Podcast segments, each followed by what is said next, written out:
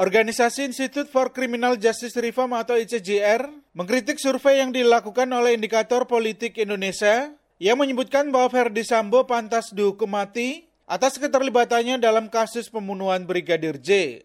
Menurut Direktur ICJR Erasmus Napitupulu, survei tersebut merupakan gimmick yang dapat mengaburkan penegakan hukum dalam penanganan kasus ini.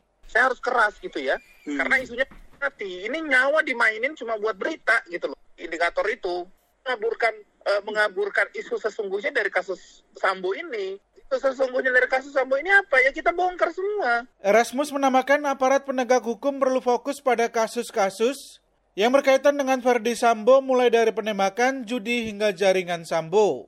Ia juga khawatir wacana hukuman mati akan merugikan pihak keluarga korban atau Brigadir J. Sebab penegakan hukum pada kasus tersebut menjadi tidak fokus dan pemulihan terhadap keluarga korban menjadi terabaikan.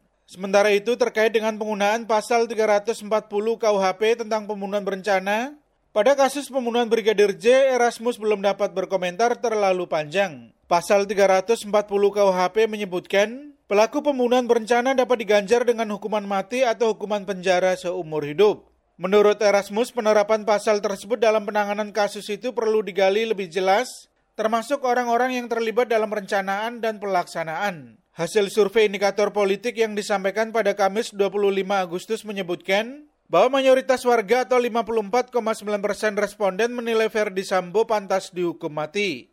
Sedangkan jumlah responden yang menilai bahwa Sambo pantas dihukum seumur hidup mencapai 26,4 persen. Survei tersebut melibatkan 1.200-an responden pada 11 hingga 17 Agustus 2022 dengan tingkat kepercayaan kurang lebih 2,9 persen. Dari Jakarta, Sasmito Madri melaporkan untuk VOA Washington.